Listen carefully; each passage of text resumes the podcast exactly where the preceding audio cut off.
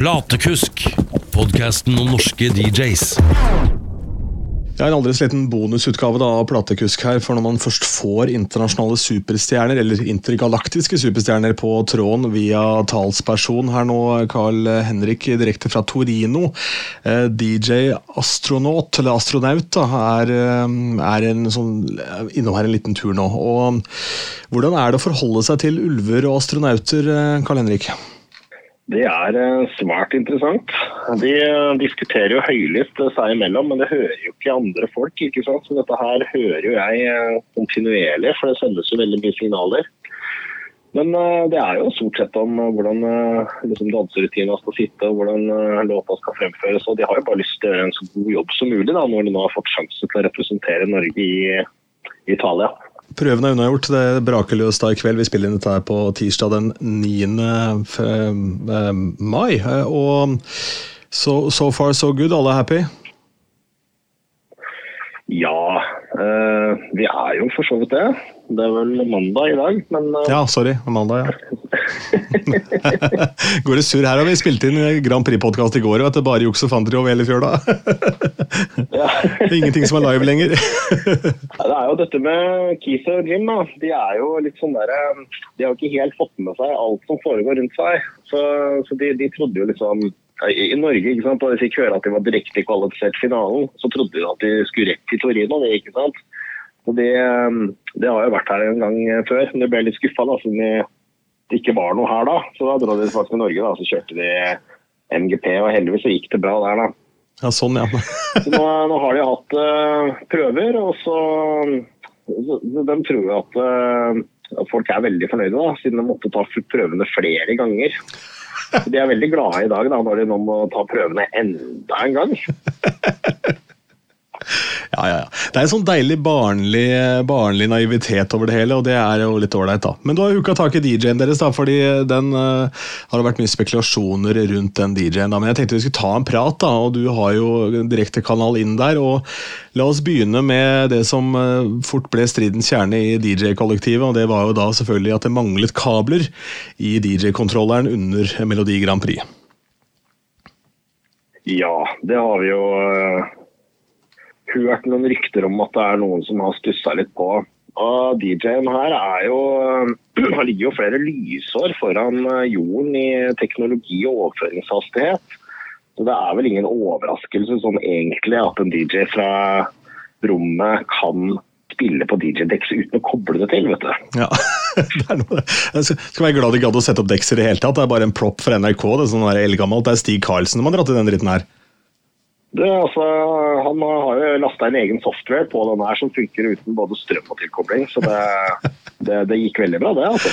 Herlig, nydelig. Det er sånn det skal være. Hvordan eh, kom eh, DJ Astronaut i kontakt med Keith og Jim? da? Altså, hvordan eh, oppsto dette samarbeidet? Du, det var litt tilfeldig. For han var jo da i romstasjonen sin. Han hadde et lite uhell hvor han kjørte sånn der nødåpning vet du, og greier, og han bare fløy ut. Og så var det bare en periode da han bare sånn fløy meningsløst rundt i rommet. og så liksom syns jo Keith og Jim at den der gylne drakta så litt interessant ut. da, så de, de trodde først drakta var gul, så det ble jo litt skuffet når den ikke var gul, men gull. Men de tok i hvert fall tak i den, eh, taua han inn eh, på månen. Og så, så ble liksom samarbeidet til der oppe, da. Mm. Men han visste tilfeldigvis hvordan man kunne liksom oversette disse intergalaktiske lydbølgene til jordiske frekvenser. Da. Så det var veldig flott at uh, da, da, fikk de liksom en samarbeidspartner som kunne lage jordisk musikk. Ja, ikke sant. Og det er jo vesentlig her med tanke på kommunikasjonsbarrieren og sånn som du da står midt oppi her. Men uh, med tanke på at de har holdt på i så mange år, uh, jeg tenker vi benytter anledningen til å stille noen spørsmål om noen konspirasjonsteorier også. For det er jo denne konspirasjonen rundt at uh, USA faka månelandingen. har du snakka med dem om det? Det, du, det, det, det, er faktisk eh, ikke noe hold i den uh, konspirasjonsteorien der. Altså, for gutta de hadde party på månen med Neil Armstrong og gjengen, de altså. Så de, de kan bare bekrefte det helt ekte. Deilig. Eh, og så, i hvert fall her på jorda, så er det jo stor kontrovers rundt den berømte synk-knappen, som da basically er en knapp da, som gjør at du slipper å finne biten i låtene lenger. Eh, så du mikser ikke etter øret. Er det noe som DJ Astronaut forholder seg til overhodet, eller har han en, en, en take på debatten? Altså, nå, nå, klarer jo DJ Astronaut å sende signaler. Så det, altså, han har jo en synknapp innebygd i hodet sitt, han, ikke sant? så han trenger jo ikke å trykke på den knappen i det hele tatt. Men han sier jo også at liksom, hvis man skal være redd for å bruke ny teknologi og hva det kan gjøre for deg, så, så er det jo i ferd med å gå ut på dato. Ja, ja, det er sant. det er ikke verst. Du hørte, hørte, til og med fra folk fra månen der, altså. Uh, og så um, var det Kjetil, da, som er tidligere gjest i denne podkasten, som uh, mente jeg måtte spørre om, uh, om astronaut var involvert i oppfinnelsen av Space Echo. Tilbake på 70-tallet så vi det her eh, på, på jorda. da. Altså At den kan ha hatt eh, noe eh, med, noe med inspirasjon å gjøre, det, det er helt klart. Men uh, han, han, sier jo det at uh, han skal faktisk ikke ta æren for den. Nei, Det er hyggelig. Roland får den, altså. Det er ikke verst. det er ikke verst. Og har uh, astronaut rukket å høre nok DJs på jorda til at han har fått en favoritt blant oss vanlige dødelige? Ja, altså, han syns jo det er litt merkelig måte å DJ på, for veldig mange av dem er avhengig av uh, veldig mye utstyr og sånn. Men jeg syns det er også ekstra underholdende når det er eh, DJs som står og drar i utstyret uten, å, uten at det skjer noen ting med lyden. Det også er gøy. Men uh, han har jo tenkt at de kanskje også har sånne telepatiske overføringsevner, slik at de kan styre det fra uh, hodet. Men uh, han er ganske sikker på at de ikke har kommet så langt ennå. Men hvis vi skal liksom nevne noen favoritter, så er det jo liksom de jeg liker jo de norske gutta. Kygo og Matoma de skal få litt sånn ekstra pluss i boka. Og Alan Walker, da, selvfølgelig. Ja, for Alan tok seg jo tid til å ta selfie med Kito Jim også, selvfølgelig.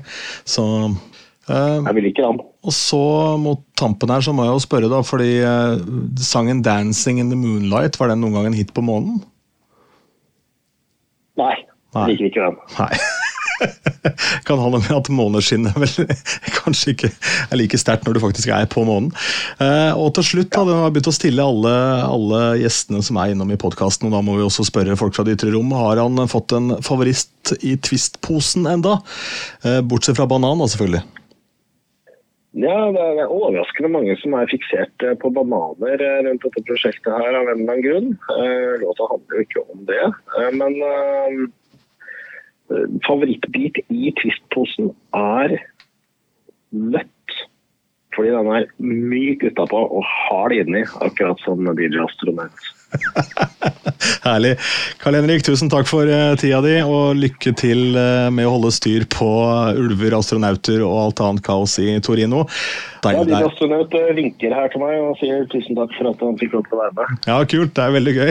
Så får han sende noen andre rom-DJ-venner rom ned også, så får vi se om vi klarer å få prata med DJ Spaceman og litt sånn forskjellig underveis der, da. Så tar vi det derfra. Ha en strålende uke. Du også. Du har hørt Platekusk, podkasten om norske DJs.